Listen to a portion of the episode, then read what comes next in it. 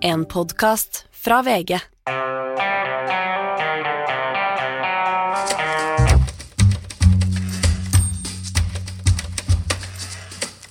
Da er det lørdag, og øh, nyhet, jeg holdt på å si nyhetsuka over. Det er nok uh, Nyhetene tar aldri ferie eller helg, det, Gard. Det kommer til å skje mye denne helgen òg, det kan du være helt sikker på. Og særlig når vi sier at uh, nå er uka over, da, da, skjer det i hvert fall noe, så det skal vi ikke gjøre. Uh, men vi er i hvert fall tilbake med, med nye mediebobler, og i dag skal vi ha Anette Trettebergstuen som gjest. Ja, det syns jeg er prisverdig at hun stiller opp. Vi har prøvd å få det ganske lenge. Ja, det er ikke alle politikere som har vært gjennom uh, kriser og gått av som vil ønske å snakke med mediene, men Trettebergstuen uh, gjør det. Det syns jeg uh, står henne til ære. Og for å rekapitulere, det er jo mange som har gått etter, etter hennes tid, så var det altså hun måtte gå av i sommer, at da det ble klart at hun hadde gitt styreverv til personer hun kjente og sto i en vennskapsrelasjon til, er det ikke det man sier? Jo, er det, det, er jo en situasjon der det er litt ulike meninger om dette, men kort fortalt så er jo dette en del av disse habilitetssakene der det ble gjort utnevninger til verv, der, de sto, der noen av de som ble utnevnt sto i for tett kontakt med Eh, statsråder. Ja, Så det har vært noen statsråder har sittet av en stund, og det har tatt tid. Hun gikk altså da på, på dagen eh, i sommer. Så hun kommer hit etterpå, skal vi snakke om det. Men først må vi ha en liten oppdatering. Altså Vi snakket jo om eh, forrige helg, Gard, og nå ser jeg du smiler litt sånn, jeg vet ikke, litt matt kanskje, eh, om hvordan du har operert inn en liten mikrochip i hånden. Uh, denne saken den har Jeg vil ikke si at den har tatt av, men uh, først var Medie24 på banen uh, og skrev den. Så var Dagbladet med, altså Medie24 med referanse til oss. Så kommer Dagbladet med referanse til Medie24. Og nå så jeg at Norge i dag, den kristne avisen, har plukket opp med referanse til Dagbladet. nå tenker jeg, nå blir det jo litt sånn, sånn som den gamle Robocop-filmen, hvis du husker, husker du den? Ja, jo, selvfølgelig husker jeg den. Halvt menneske, halvt maskin, 100% redaktør. Eh, det er, du har jo vært veldig opptatt av den chipen, altså. jeg, eh, og, jeg må jo, jeg må jo stille opp og snakke med deg om dette. For meg er det ikke så stort. For meg er, jeg sier at dette, generasjon. dette er som å ta hull i øret, vil jeg si. Eh, men det har vært litt interessant. Medie24 kontaktet meg først og spurte om jeg ville snakke om det. Da sa jeg nei, og det var delvis fordi jeg hadde ikke så lyst til det, men òg fordi jeg ikke hadde tid. Og så ringte de meg igjen og sa at nå lagde de sak, og de sa jeg kan snakke med dere, men da må det vente noen dager. men det hadde de ikke tid til, så Nei. saken var viktig. Ja, Vi hadde den jo for noen uker siden òg, men da var det ingen som plukka den opp. Der, uh... Nei, Medie24 kontaktet meg faktisk Dag, og de oh, ja. så potensial i saken. Men det, dette er jo sånn interessant, fordi dette er noe med at når du snakker om noe i en podkast, som er egentlig litt sånn eh, ganske lite viktig for deg sjøl. Mm. Uh, så når, dette, når du ser det da publisert som en nyhetsartikkel i en avis, så blir det jo uh, mye viktigere og mye mer alvorlig og fremstår mye mer dramatisk. Du kjenner ikke igjen det bildet som mediene skaper av deg? Uh, jo, det gjør jeg. det gjør jeg, og jeg skal i alle fall ikke klage på mediedekningen av, av meg, for VG holder nå på sånn med mange hele tiden, så det, det er vel litt sutring fra meg, tror jeg ingen kommer til å lytte til. men det, det, jeg tror det er ganske mange som har opplevd det, at de har snakket om et eller annet i en podkast eller i et radioprogram eller TV-program der du har en litt sånn muntlig passiar om det, og så blir det publisert skriftlig, og da ser det annerledes ut. Ja. Men bare for å ta ned dette med den chipen litt. Da. Dette, det er ganske mange på dette huset og, som jeg kjenner som går rundt og har testet akkurat det samme. Eh, en chip høres jo veldig alvorlig ut. Dette er en bitte liten metalldings som strengt tatt ikke kan gjøre så veldig mye annet med enn at jeg kan ta den borte telefonen til folk, og så får de opp et bilde av meg. Ja, og det bildet har jeg fått, og litt sånne opplysninger. Du er redaktør i VG og andre ting som er nyttig for meg å lagre på min telefon. Men du har også prøvd å bruke den som adgangskort i VG, og det har du ikke fått Nei, det får ikke helt ennå. for, eh, da tror jeg jeg må gjøre en Du kaller det en operasjon, dette er jo et, det er jo et nålestikk. Eh, så det er ikke, det er ikke verken vondt eller veldig Det var bare lokal bedøvelse, var ikke full narkose. Nei, du trengte ikke bedøvelse engang, det trengte du ikke. Men jeg har jo liksom lest en del om det. Og det er jo noen som mener at dette kommer mer med at du får betalingschipper og sånt inne. Jeg personlig litt lite tror på at dette skal bli en revolusjon.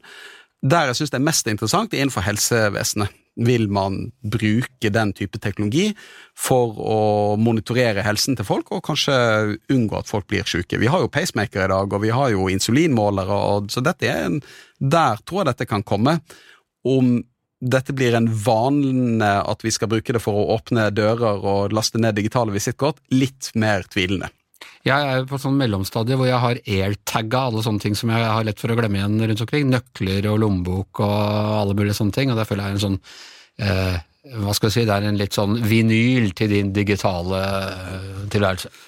Det, det, er det. Eh, det er, ikke, det er, ikke, like dramatisk. Men det er jo først når du glemmer hvor du sjøl befinner deg, at det kan være interessant. Da har, jeg Google Maps, da har jeg Google Maps som forteller meg det, så, så det er veldig bra. Ukas gjest, stortingsrepresentant fra Arbeiderpartiet, Anette Trettebergstuen, velkommen. Tusen takk. Du har hatt en uh, tøff runde i bl.a. norske medier uh, det siste halve året. Det har endelig roet seg litt, uh, men nå skal vi rippe opp i noe av det som du har kalt det verste øyeblikket i ditt liv. Beklager så mye.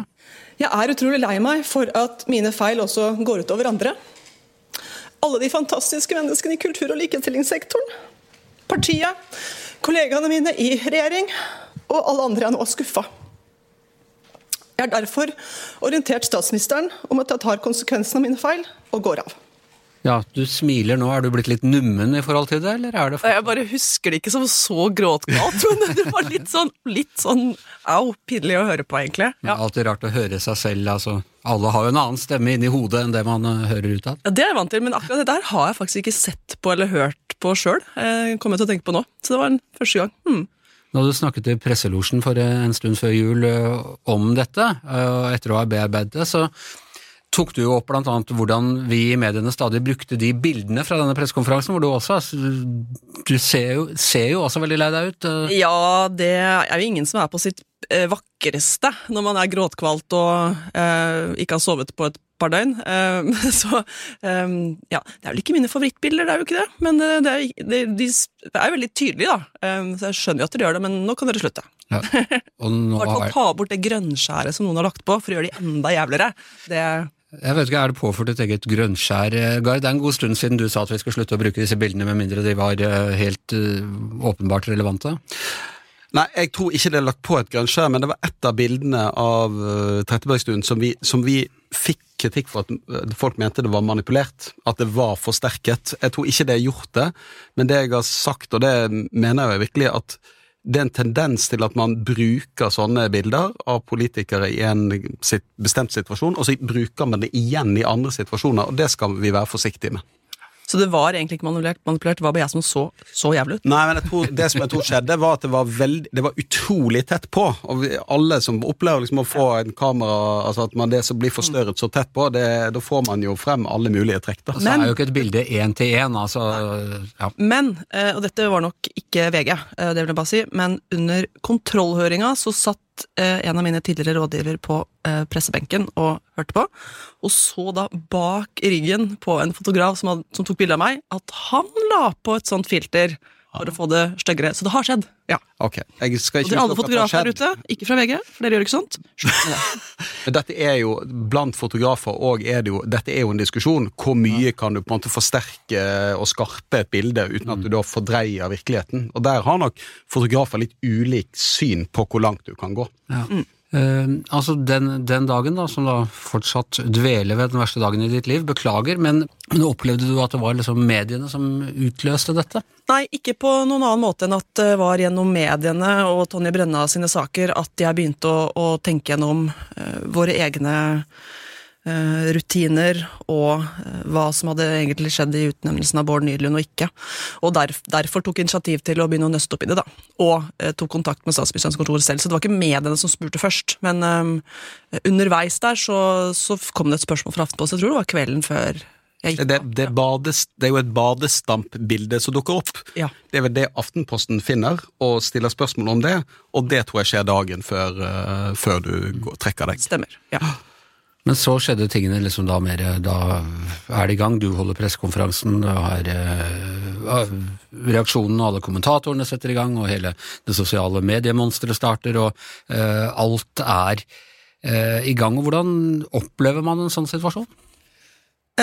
Det, det kom jo veldig brått på. hadde jeg visst at vi hadde gjort noe feil, så hadde jeg åpenbart ikke gjort det feil.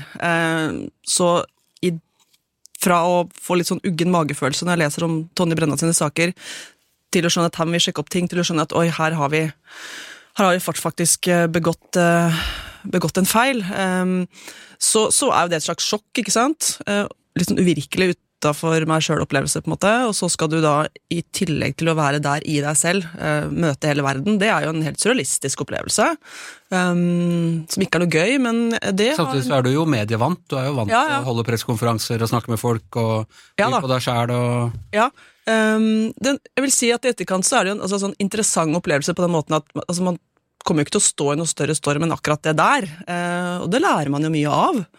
Og det gjør en jo også sterkere. Men klart, det var ikke noe, det var ikke noe morsomme døgn, men, men, det er ikke først og fremst pga. medietrykket. Det handler om at jeg måtte gå fra drømmejobben. Ja.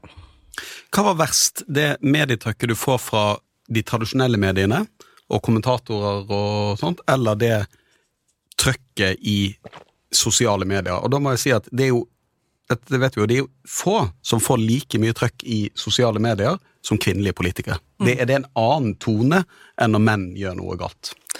Du, Det har du helt rett i, og det kommer jo jevnt og trutt hele tiden, egentlig, eller hver gang man åpner kjeften. Og spesielt hvis man har, uh, diskuterer likestillingspolitikk eller uh, homopolitikk, så er det, det er noe av det mest provoserende man kan drive med, tydeligvis, for da renner det over. Så det er jeg vant til. Men, uh, og jeg har vært politiker lenge nå, og lærte meg eh, egentlig ganske tidlig til å på en måte skille mellom hva som er meg som person, og hva som er rollen, og det føler jeg at jeg har klart eh, og klarer veldig godt. Eh, så de sosiale medier-tingene som kommer når man mener noe som oppfattes som kontroversielt, det, det preller egentlig av. Eh, men dette ble litt annerledes fordi ja, det var rollen, men det var jeg også personlig som hadde gått en feil, og man står der hudløs og litt sånn føler seg naken. Jeg vil nok si at for meg der og da så var det Det var frustrerende å se at Eller opplevde at hele at den tradisjonelle pressen liksom jakta i flokk langs et spor som vi mente var et feil spor. Uh, at det ikke var riktig, og vi prøvde å korrigere det, men for uh, døve ører. det har gjort meg noen refleksjoner rundt. men det sosiale medietrykket, det fikk jeg egentlig ikke med meg, for da, der kan man jo bare velge å slette appene. og det mm. gjorde jeg akkurat da. Hva var det som var feil? Nei, eh, det var jo dette berømte advarselsporet da, som vi har uh, brukt mye tid på å diskutere uh, så etter høringen, um, som jo var feil, og som ble, ble oppfatta da, til å være noe annet enn det det var. Um, men jeg vet jo også det at når man har stått og holdt pressekonferanse fordi man har gjort noe feil og gått av, så har man jo ikke spesielt høy tillit. Eh, så jeg bestemte meg tidlig for at jeg skulle ikke si noen ting ut av de mediene før etter kontrollhøringa. Mm. Eh, også av respekt for liksom Jeg gikk jo også av fordi at jeg ville spare partiet for at dette skulle liksom henge rundt oss i valgkampen og sånn. Nå ble det jo ikke sånn at mm. habilitet ikke ble en sak i valgkampen, men um, Så jeg valgte, eller bestemte meg tidlig for at jeg skulle holde helt kjeft til eh, kontrollhøringa. Um, men vi forsøkte jo å kontakte dere sånn på telefon og, forklare, men, men vi oppfatta at det var på en måte ikke så interessant. Det men det var jo... interessant å høre. Du opplevde, Hvorfor ble den interessen så stor da høringen startet? Sannsynligvis fordi at det var første gang jeg forklarte hva som hadde skjedd. Og um, opplever vel det at tilbakemeldingen er at inntrykket som ble gitt, uh, eller skapt, um, da jeg gikk av, um, kanskje ble litt korrigert eh, gjennom kontrollhøringen. Eh, det er i hvert fall den tilbakemeldingen jeg får, at men det hørtes så mye verre ut. Um, men er ikke dette litt fordi altså, det er jo ikke akkurat en vanlig jobb, og, og det er kongen som ber eh, Jonas Gahr Støre danne regjering, og så velger han ut de han har tillit til, og så når den tilliten opphører, så er det liksom ikke Det er ikke som i et vanlig arbeidsforhold. altså Hvis jeg gjør noe gærent, så er det likevel vanskelig for Gard å sparke meg. Jeg har alle mulige rettigheter. Mm. Uh, men akkurat i, i, en slik uh, jobb så har man ikke det. Der er det Nei. bare en av eller på på, på tillit. Ja. Og det vet vi jo òg, eh, og det har vi jo sånn smertelig med oss hele tiden. Jeg husker jeg pleide på fredagskaffen i departementet å si sånn ja ja, dere, da fikk vi ei uke til. Så, og, det, og, og, det mener jeg helt oppriktig, det tenkte jeg veldig ofte på. at liksom, det kan være over i morgen. Men vi må liksom få jobba mest mulig her. Eh, og det vet man, og den tilliten er skjør, og den er på lånt tid. Eh, men ikke sant, når det først skjer, så er det allikevel et veldig stort sjokk. ikke sant? Mm. Um, mm. Men fra måte, denne saken, du begynner å ta kontakt med dine folk og begynner å leite, så går det bare noen dager til du står der på den pressekonferansen. Og fra Aftenposten tar kontakt til du ga av seg, så er det jo ett døgn. Mm. Hvilken mulighet har du egentlig til å legge en strategi for å komme ut med din hele og fulle historie i, den, eh, i en sånn situasjon? Eh, nesten ingen. Eh, og det kan jeg også se Jeg kan også se tilbake på den talen jeg holdt på, på pressekonferansen. Eh, ville ikke holdt den samme talen i dag. Eh, gjort meg, altså, Etterpåklokskap er også klokskap, liksom, men eh, i realiteten ingenting. Eh, vi rakk å nøste opp i hva som hadde skjedd, og raskt måtte treffe en konklusjon. Um, kan du si at hadde, hadde, vi, altså, hadde, vi, fått noen uker på så hadde, hadde nok forklaringen eller fortellingen eh, kanskje vært litt annerledes. Eh, misforståelsene eh, borte og den type ting, da. Jeg tenker tilbake på det med Jeg sa jo også på pressekonferansen at, at jeg var uh, inhabil knyttet til Renate Larsen. Det uh, har jeg gjennom sommeren definitivt kommet til at jeg ikke er. Um, og også sjekka det ut. Um, men der og da så var det nesten sånn at jeg skulle virkelig bare legge alt på bordet, og hvis jeg var i minste tvil, så fikk det heller liksom bli på minussida, hvis du skjønner. Ja. Du led av et tilståelsessyndrom? Tilståelsessyndrom, kan du kanskje si, ja. Det føltes litt sånn. Mm. Eh, og så har du snakket om stillheten som vi traff etterpå, at det nesten mm. var det verste fra alt bråket ja, til Det husker jeg dere spurte om eh, da jeg snakka med presselosjen nå, liksom at det, eh, det trøkket Det trøkket var nå én ting, men det var kanskje verre når det trøkket opphørte. Eh, for som statsråd så er de jo vant til å få mediehenvendelser 24 timer i døgnet. Ikke direkte, da, for vi har jo kommunikasjonsfolk i departementet som, som tar det, men det er henvendelser hele tiden. Og, og, når det plutselig blir borte, det var en sånn stor eh, Nesten sorg, altså. Mm. Så jeg savner at pressen maser, da. Ikke sant. Det er ille når vi maser, men det er enda verre når vi, når vi holder opp. Ja. Eh, så valgte du jo altså å gå ut og, og, eh, og adressere den uenigheten med, med, Støre, og hvordan opplevde du reaksjonene på det? Og følte du at du kom igjennom med det, eller? Ja, når i hvert fall eh, kontroll- og konstitusjonskomiteen eh, etter den høringen sier at men dette var en viktig korrigering, for det, det som her har skjedd, er ikke i samsvar med det inntrykket som ble skapt. Så, så ja, det, det, føler jeg. Mm, og det var viktig for meg. Det var viktig for meg å få fram at de feilene som har skjedd, har skjedd fordi det har gått i ja, 350 km i timen hele tiden, og det har glippet rett og slett på informasjonsflyten. Det er min feil, eh, men det har ikke vært med intensjon om å gjøre feil. Og det var vel det jeg følte var liksom tyngen gjennom sommeren også, at folk trodde at her har jeg eh, omgått regelverket eller forsøkt å snike til min venn et verv. Eh, det var det så visst ikke. Vi har egentlig bare prøvd å få på plass de, de beste folka i de viktige vervene, rett og slett, og så har det glippet på, på prosedyre.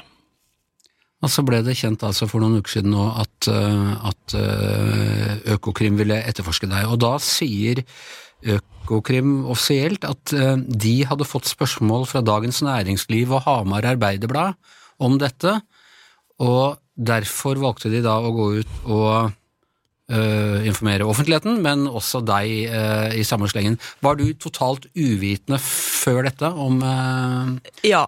Dette brevet ble jo sendt fra kontrollkomiteen til Riksadvokaten i juni, og etter det har ikke jeg tenkt noe mer på det. Ikke hørt noe mer om det heller. Så jeg fikk jo litt sjokk den morgenen de ringte fra Økokrim, bare for å fortelle at nå var jeg under etterforskning, og de skulle sende, sende ut en pressemelding. Og det var ja, um, samtidig som de sendte ut ja, pressemelding? Ja, det var uh, bare med noen timer, timers uh, mellomrom. Uh, så det, det, kom litt brått på, ja. Hmm.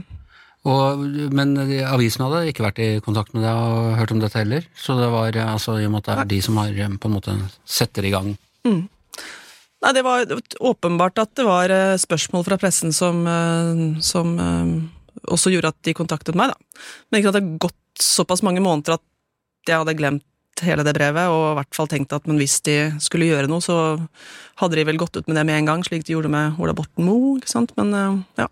Hvordan var det? Hvordan er det da? Da har du vært gjennom, som du sier, din livsbeste dag, du har gått av, og så er det egentlig roet seg, og så plutselig i morgen så står det under etterforskning av Økokrim. Det er jo på en måte en uh, det er jo en så dramatisk vending i den saken. Det, det leses jo iallfall som en veldig dramatisk vending. Ja, det blir jo på en måte som en slags sånn runde to da, etter at stormen har lagt seg. Um, at det bare åh, igjen, liksom. Én runde til. Uh, ja. Men opplevde du du opplevde da at mediene var interessert i, uh, i ulike perspektiver på dette, eller var vi, gikk, gjorde vi akkurat det samme da? Var vi, da, var vi, da, interessert i det hele tatt hva Økokrim hadde gjort, og begrunnelsen deres? Altså, nå er det kanskje et ledende spørsmål, men det, ja, det, det. Men det er, det er jo interessant her at, synes jeg, at, at det skjedde jo veldig lite. Du var under etterforskning, og så det, blir det jo helt stille igjen. Ja. Og jeg vet ikke noe mer enn det. Nei, men det var jo litt sånn, Jeg tror det kom brått på for alle, og jeg følte at pressen også var litt i stuss på hva det egentlig som er, hva, hva har skjedd. og og hvorfor nå? Men det kunne jo høres ut som at jeg hadde vært uh, Jeg trodde jo jeg har vært under etterforskning i mange måneder her. Okay, hva er det de holder på med da? Er det en vanskelig sak, eller er det noe mer? Eller hva i alle dager er dette for noe? Jeg følte meg litt sånn Kafka-prosess, på en måte. Men, men så viser det seg at det har jo ikke skjedd noen ting. men det er også alt jeg vet. Nei, og nå var advokaten din, uh, Elden, var ute og sa at det eneste Økokrim gjør nå, er å gjennomføre gapestokken i Norge ved å sende ut pressemeldinger som etterlater et helt annet inntrykk enn hva som er de faktiske forholdene. Og han hevder altså da at det ikke har vært gjort noe etterforskning eller noe sånt i, i forkant av dette.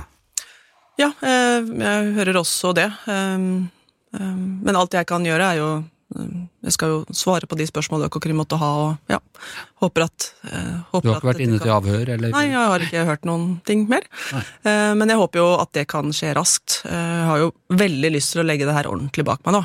Eh, det har jeg. Og så var du altså ikke den eneste statsråden som gikk av i, eh, i fjor, og noen, som du og Ola Borten Moe, gikk raskt og rev plaster av. Andre, Anniken Huitfeldt dingla der ganske lenge, og det gjør nå også helseminister Kjerkol. Og hva tenker du om hennes situasjon nå? Um, snakker jo mye med Ingvild. Uh, tenker at, uh, at uh, Eller jeg har veldig uh, sympati med den situasjonen hun står i nå, som sikkert føler Altså alt Fokuset er jo mye på den masteroppgaven hennes og, og, og henne og hennes framtid, og ikke nødvendigvis på den helsepolitikken hun har lyst til å, at skal uh, være i, i, fokus. Og det må være veldig uh, tungt og frustrerende. Um, oppleve det trøkket over så lang tid, da. Det er veldig, veldig sympati med, rett og slett. Det er ikke noe, ikke noe gøy. Og Hvis du nå skulle ikke vært stortingsrepresentant, men medierådgiver, som mange både politikere og journalister gjerne blir, eh, når de dør, holdt jeg på å si. Uh, hva, hva, slags råd vil du gi til en, uh, en statsråd som kommer i en sånn situasjon? Det er egentlig veldig åpenbart, men jeg tror det er noe vi politikere ofte kan bruke som en rettesnor, litt oftere enn vi gjør. At når du, i disse tilfellene her, da, så har du gjort noe galt. Og du er statsråd, du har mye makt. Da er du et monster. Altså, du er et monster i folks øyne. Og da kan du overhodet ikke kommunisere som at du er offeret. Mm. Du må akseptere at du er i monsterrollen, og ikke prøve uh, å, på en måte få sympati ved å kommunisere som et offer. Det blir alltid feil. Um, det har jeg tenkt på, prøvd å tenke på gjennom alle årene, egentlig. At man må innse hvilken rolle man har, um, og hvordan man oppfattes, da. Um, og det å forsøke å, å bli litt sånn sjølrettferdig eller uh, unnskyldende, det vil alltid oppfattes som uh, Ja, det vil oppfattes negativt, da. Så råd til statsråder som etter hvert skal gå av, må bare legge seg flat og så tenke at tiden for forklaring og sånn kommer senere. Jeg skjønner det ut fra et sånt medietaktisk ståsted, men er ikke det òg en viss risiko at da er det feil bilde som kommer ut i offentligheten? Altså, Da ligger jo det et veldig ansvar, iallfall på mediene. Ja, og da tenker jeg mer på hvordan man kommuniserer enn nødvendigvis hva. Jeg tror du kan kommunisere veldig mye, men at det oppfattes uh, ulikt ut ifra hvilken innfallsvinkel du tar, da. Men det er klart, faktaene må jo frem, men jeg valgte i hvert fall å tenke at jeg skal ikke gå ut og protestere på det advarselsbildet dagen etter at jeg har gått av, for jeg tror ikke det hadde blitt oppfatta spesielt sympatisk. Jeg valgte å vente, så kan du si at ja, var det riktig, var det ikke riktig, jeg vet ikke, men um, det var nå min vurdering, da. Men dette er jo et poeng vi har diskutert en del ganger her. Når det oppstår en sånn krise som det du havner i en stor sak, da jakter jo alle mediene eh, jeg skal ikke si i flokk, men de, de går jo ofte i samme retning. Ja. Og da å prøve å finne De går manngard, de sprer seg utover og soper med salt. Ja, de, de, altså det er jo to ting som skjer i, denne, eh, i sånne situasjoner vanligvis. Det ene er jo at alle jakter måte, det samme sporet. Det er det ene. Og det er jo det er veldig få da, som har klarer å stoppe opp og si fins det en alternativ innfallsvinkel til denne saken. Eh, Det er det ene som ofte skjer. Og så senkes jo ofte nyhetskriteriet. Altså hvis eh, der, når, noen, når en person, en statsråd eller en person makt står i en krise og har gjort et eller annet galt, så begynner vi jo òg å se etter andre ting rundt denne personen. Eh, Sindre Finnes er jo et eksempel, sant? der eh, ringen til Sindre Finnes ville sannsynligvis ikke blitt en sak hvis det ikke var for at han var i den andre saken. Så da skjer det noe med er i hvert fall en mye mindre sak. Men du var jo medieminister, eh, og vår høye beskytter på mange måter. Da er jo rommet for å kritisere mediene som medieminister ganske lite. Men nå er det jo ikke det lenger, så nå kan du jo da si hva det du har vært igjennom, hva er det, hva er det mener du at mediene kan lære av din sak og de andre nå uh, sakene som vi har eh, dekket det siste året? Ja, mediene gjør jo jobben sin, da. det er det som er så flott også med Norge, at man Altså, flott, jo, jo, men sånn, man på et eh, overordna nivå, at eh, at dere ser oss i kortene og, og tar oss, og at ja, når eh, pressen gjør jobben sin, så eh, kan det hende at statsrådet må gå. Sånn er det jo ikke i veldig mange andre land. Så det er i, i utgangspunktet veldig veldig eh, sunt for, for demokratiet. Men ja, i en sånn prosess, eh, gitt min sak, så som jeg har sagt til dere før også, ikke nødvendigvis VG, men pressen samla, at eh, når det går fort, når alle skal ha dette på trykk, eh, um, så er det i hvert fall et poeng å forsøke å lytte til den det gjelder.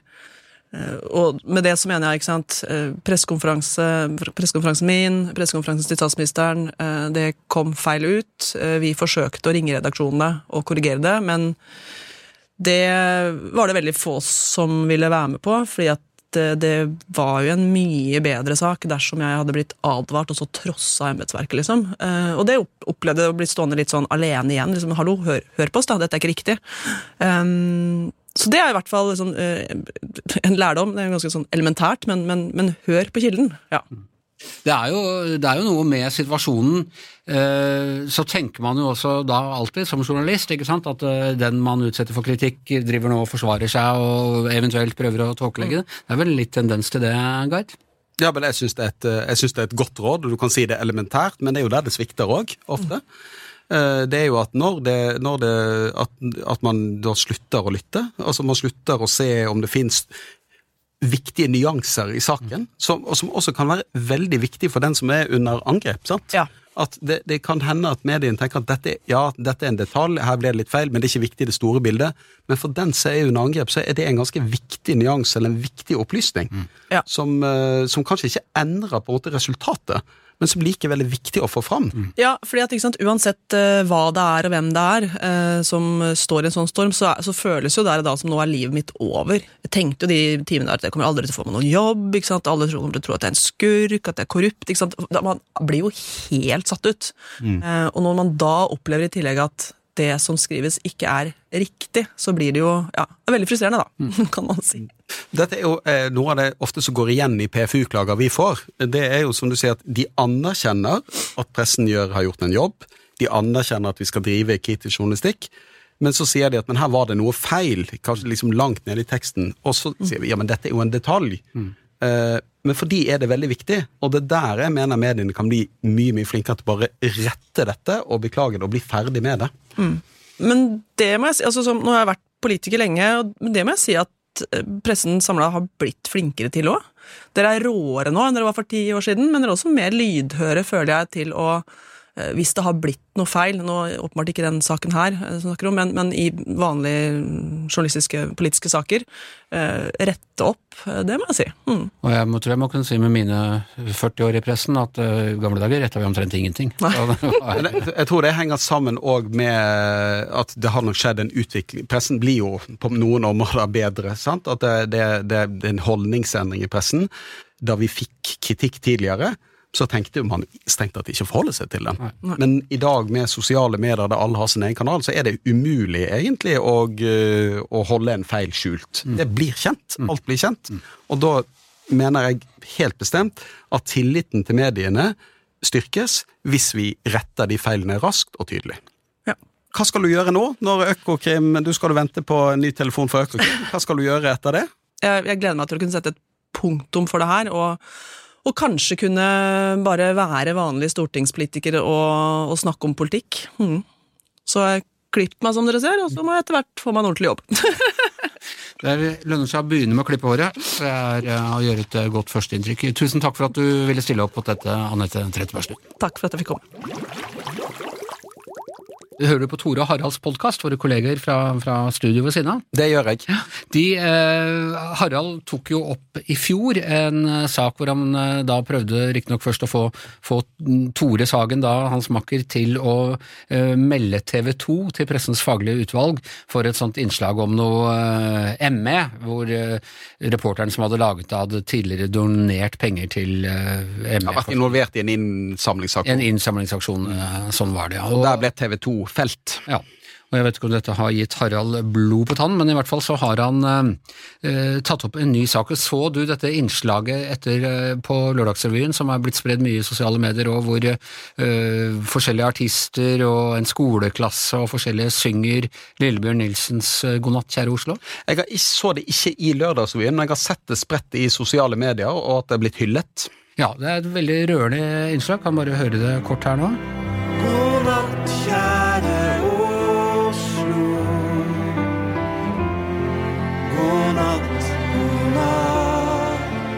Men Harald Eias poeng er da at eh, han sitter og skal se på nyhetene. Jeg vet ikke hvorfor, men jeg skrur på Dagsrevyen direkte. Jeg ser da Frida Åndevik og Tuva Syvertsen og Odd Nordstoga og Emilie Christensen stå bak hver sin mikrofon og synge Lillebjørn Nilsens sang God natt, Oslo.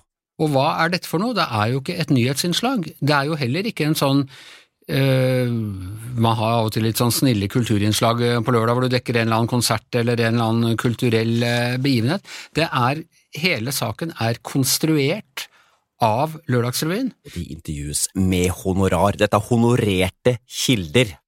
Og dette er ikke bare brudd på paragraf 311, men også min gamle venn paragraf 2.3, som jeg i sin tid fikk felt TV2 på. 2.3 sier vis åpenhet om bakenforliggende forhold som kan være relevante for publikums oppfatning av det journalistiske innholdet. Ja, men Det gjør jo Tom Nilsen og de i studio. De sier vi inviterte. Ja. De burde sagt Hei, nå skal vi se noen artister. Vi har betalt Mm. penger for å spille, og selvfølgelig også snakke. Kanskje burde sagt skattepenger, til og med. Ja! Ja. Dine skattepenger. Det, det, det er en sånn interessant diskusjon, kanskje rent intellektuelt. Ingen skandale, vil jeg si. Uh, dette tror jeg det norske folk lever godt med. Jeg tror uh, seerne av Lørdagsrevyen syns dette var både fint og uh, kjekt å se. Men det, det det illustrerer, tror jeg, er jo òg at Jeg vet ikke om det er et godt eksempel på det engang, men mediene var jo tidligere veldig sånn Noe var nyheter, og noe var underholdning, og noe var aktualitet, og noe var sport. I dag smelter dette sammen. Går du inn på nrk.no, eller går inn på VG-fronten, så er alt pakket sammen i en pakke. Så hva er nyheter, hva er underholdning, og hvilke etiske regler gjelder for eh, de ulike elementene i det som er et digitalt medium i dag? Det er jo en interessant diskusjon, selv om jeg er usikker på om dette er det beste eksempelet han kunne kommet opp med. Nei, men det er liksom Hva er det de sier? Når vi tar det første lille skrittet utenfor, eh, utenfor loven, det, eh, det er begynnelsen. og en ting er NRK, som jo er et stort mediehus hvor du har en underholdningsavdeling, og du har kulturavdeling, og du har mye forskjellig. Vi er jo et mye mer sammenpresset konglomerat av ting, men i, i basis er vi en uh, nyhetsorganisasjon. Og det er jo utfordringer for medier som oss, uh, hva som er eh, på VGTV, ren underholdning, hva som er nyheter, hva som er andre type innslag. Ja. Sjangerblandingen. Ja, det, det er jo, Du kan si det er en sjangerblanding, men dette poenget med at du ikke skal betale noen for å stille opp, syns jeg ikke er så relevant i denne sammenheng. Det, for, poenget der i presseetikken er at hvis du begynner å betale noen for å la seg intervjue, så gir du de feil insentiv for å snakke med oss. Du, det, dette har jo vært veldig vanlig i britisk presse, der man har betalt uh, kilder mye penger for å servere sladderhistorier om kjendiser. Og det gir jo et insentiv til folk for det første kanskje til å snakke usant eller dikte opp historier, Men du har jo òg eksempler på at, eh, at personer da har, har liksom innledet forhold til eh, kjente personer eller noe sånt, for å kunne selge den historien etterpå. Så det syns jeg er en veldig farlig vei å gå. Og jeg tror at hvis du skal stille opp for et, for et medium, så er det viktig at det, da må det være saken som er viktig, og ikke pengene du får fra mediet for å stille opp. Så der er, og dette, er det, dette har de aller fleste norske medier veldig strenge regler for. Men hvis du da dekker en sak om eh, landesorgen over at en folkekjære artist er død, Ja. bør det ikke da være mulig å klare å finne uh, en skole hvor, hvor dette skjer, og, og dekke en konsert som noen artister har satt i gang? Jo, men jeg tror ikke dette svekker tilliten til NRK eller det innslaget. Dette er jo en video de har laget, og da syns jeg det er rimelig at de eh, hvis de hyrer inn musikere til å spille der, så syns jeg det er greit at de betaler for det. Eh, og jeg tror ikke dette på noen som har måte svekket tilliten til NRK. Spørsmålet er jo om, om seerne av Lørdagsrevyen forstår det. Det tror jeg de gjør. Jeg tror ikke de oppfatter at dette var noe som eh, skjedde helt spontant, og at NRK tilfeldigvis har vært stede og filmet det. Så, så jeg kan ikke se at dette svekker tilliten til NRK. Og så det andre han er opptatt av, er dette underholdning eller nyheter? Det blir jo eh, litt eh, Det må jo redaktøren i NRK bestemme, da. Hva slags uttrykk vil de ha i Lørdagsrevyen? Det er jo ingen som, det er jo ingenting i presseetikken som sier at ikke Lørdagsrevyen kan være mer underholdningspreget enn det den er i dag.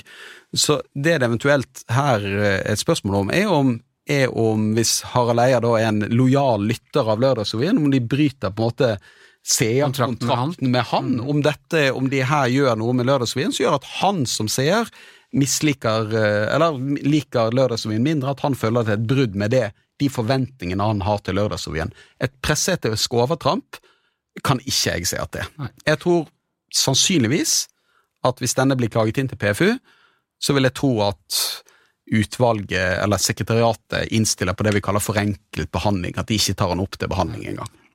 Ja, da de lot Lørdagsrevyen slippe unna det, sa jeg ingenting, for jeg var ikke i Lørdagsrevyen, og så kom de og avvikla hele pressefriheten på, på grunn av dette her. Vi får se åssen det går. Du, vi har jo spalta vår altså, som heter eh, Glasshuset. Og i dag så gjelder det uh, vår eh, gode kollega Hallgeir Kvadsheim, som er ansvarlig for pengerådet uh, her i uh, Podme-huset her i Akersgata i Oslo. Nå viser det seg altså dette så har vi jo snakket om noen uker nå. Han, hadde, han er jo da altså økonom og gir økonomiske råd, og han har da tidligere omtalt seg som siviløkonom, men han mangler noe papir, for han hadde det siste halvåret sitt i utlandet eller et eller annet sånt. Og det er blitt en, en sak, det også. Ja, han eh, har jo utdannelsen, og så tok han, sånn som jeg har forstått, det siste semester av siviløkonomutdannelsen tok han i Italia. Og da han hadde avsluttet det siste semesteret, så måtte han da gå tilbake til, eh, her til Norge, og så måtte han søkt om å få godkjent det for å kunne smykke seg med tittelen siviløkonom. Eh, og nå måtte han da ut og erkjenne at han er ikke siviløkonom. Han har kalt seg sjøl siviløkonom hele livet, og brukt det som en del av i jobben sin at han er siviløkonom, og nå måtte han si at det er han ikke. Så nå må han kalle seg eh, økonom eller privatøkonom. Har han ring, Magne? Du produserer jo Nei, han har ikke ring, sier, eh, sier Magne. Og jeg tenker jo her at dette er et typisk eksempel på dette tror jeg ikke folk bryr seg noe særlig om. De, eh, Kvadsheim har gitt råd, eh, økonomiske råd i VG nesten så lenge som jeg har vært der, og, og øh, folk har den tilliten til han som de har. Men det er litt at vi får smake vår egen medisin her, er det ikke? Ja, eh, jeg fikk et spørsmål, eh, det var vel i forrige uke, om mitt liv tåler den såkalte VG-testen. Eh, altså hvis man gransker mitt liv som redaktør av VG. VG-testen her altså tåler å være på forsiden av VG. Ja, tåler alt jeg gjør å være på forsiden av VG. Og hvis du er redaktør i en norsk avis, eller du er kringkastingssjef, eller du òg er profilert, mener jeg, kommentator eller ekspert i et norsk medium, så har du innflytelse, og da er det òg relevant at mediene gransker oss. Så si at det er likevel forskjell på en journalist og en kommentator, en redaktør og en folkevalgt. Der, er det en forskjell. Det er, det er klart man stiller andre krav til en medieleder enn til en statsråd. Men det at mediene òg driver kritisk journalistikk på hverandre, det at jeg får kritiske spørsmål òg om mine personlige valg, det må jeg tåle. Så er det ikke alt som er offentlighetens interesse, men hvis det er relevant for yrkesutøvelsen, så må vi tåle det. Og det er relevant, mener jeg for Kvartseth sin del, om han er utdannet siviløkonom eller ikke. Nå er dette en teknikalitet her, men det syns jeg eh, det, det må vi regne med. Og Hva slags utdannelse har du? Ja, den er jo broket, men det er i alle fall, jeg kan si at det er ingen masteroppgave å ettergå. Jeg, jeg er blant, som veldig mange, eller ikke veldig mange, enkelte journalister i min generasjon, gikk og surret på universitetet og plukket litt eh, her og litt der, og så ble jeg eh, grepet av journalistikken. Så du har, du har ikke ført opp noe særlig sånn hva du er av utdanning eller noe sånt? Nei, det har jeg ikke. Det har jeg ikke. Og det, eh, og, eh, men, men hvis jeg hadde levert La oss si at Jeg fikk jo spørsmål Vi har jo nettopp ansatt Frøy Gudbrandsen som politisk redaktør. Hun har skrevet en doktoravhandling. Og det er klart at hun som her må jo da regne med at noen òg leter etter tekstlikheter i den, på lik linje med det vi gjør for, stortings, eh, for stortingsrepresentanter og statsråder. Ja.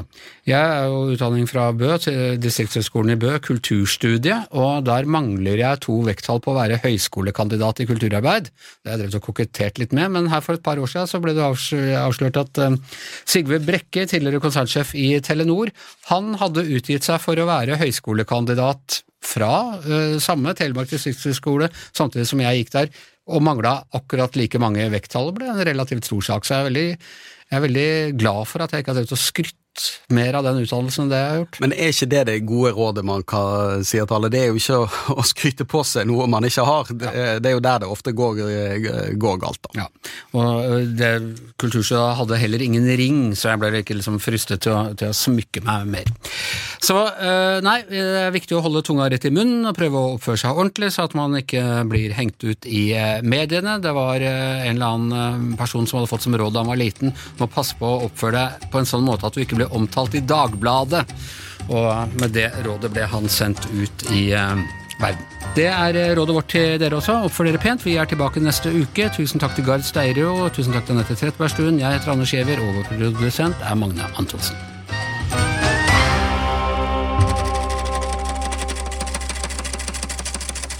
Du har hørt en podkast fra VG. Ansvarlig redaktør, Gard Steiro.